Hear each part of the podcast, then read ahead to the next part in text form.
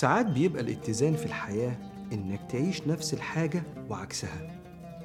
يعني تعيش الطموح والأمل وكأن الدنيا دي دارك فتخطط وتبني وتكبر ماديا واجتماعيا وتكبر اللي حواليك.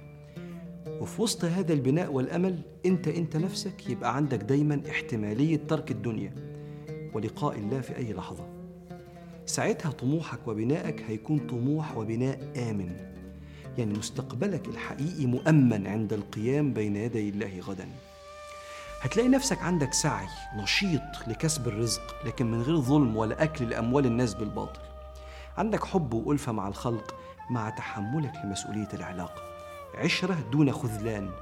هتلاقي نفسك ممكن تغلط أنت خطاء ببشريتك لكن هتلاقي نفسك في دوام وكثرة للرجوع والتوبة بين يدي الله.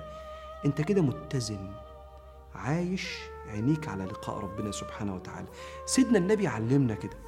مرة كان بيصلي العصر فقام بسرعة مسرع بعد ما سلم من الصلاة فتخطى رقاب الناس إلى بعض الحجرات. ففزع الناس فلما دخل النبي تاني رأى الناس قد عجبوا من سرعته فقال بيشرح لهم بقى اللي حصل. فقال ذكرت شيئا من تبر الصدقة كان عندنا فكرهت أن يحبسني فأمرت بقسمته. التبر يعني الذهب. افتكرت كان عندي أموال من الصدقة رحت طلعتها بسرعة ورجعت أختم الصلاة. وكأن سيدنا رسول الله بيقول لكل واحد فينا ما تأخرش عمل خير عليك جه وقته. على قدر السعة في حق الله على قدر الدقة في حق البشر قدر الاستطاعة اللي موقن بلقاء الله في أي وقت هتلاقيه بيبني في حياته لكن مع تأمين الآخرة. فتلاقي سعي دون كذب أو خيانة. هتلاقي بناء دون إيذاء أو ظلم. لأن لو أهل القبور استطاعوا أن يتكلموا لصاحوا لا تظلموا الناس.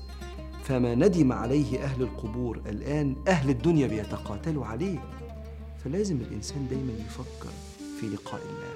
كم الجراح النفسية اللي الإخوات والأزواج أو الأرحام مسببينها لبعض أكتر بكتير من جرح الغريب.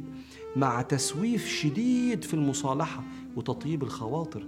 وربنا مش بيحب كده. عشان كده سيدنا الزبير بن العوام سأل النبي عليه الصلاة والسلام على تفسير الآية ثم إنكم يوم القيامة عند ربكم تختصمون. فقال يا رسول الله أستعاد الخصوم بين يدي الله غدا؟ قال نعم. قال إن هذا الأمر لشديد. الخناقة اللي حصلت بيني وبين حد من حبايبي هنيجي نقف قدام ربنا وتحصل وربنا يحكم ما بيننا فيما كنا نختصم. فلو كل واحد مننا في رحلة بناء لحياته أخطأ لازم يعلم إن التوبة سهلة. ولكن ربنا شجع على التوبة القريبة. قبل ما تحط دماغك على المخدة النهاردة قال تعالى إنما التوبة على الله.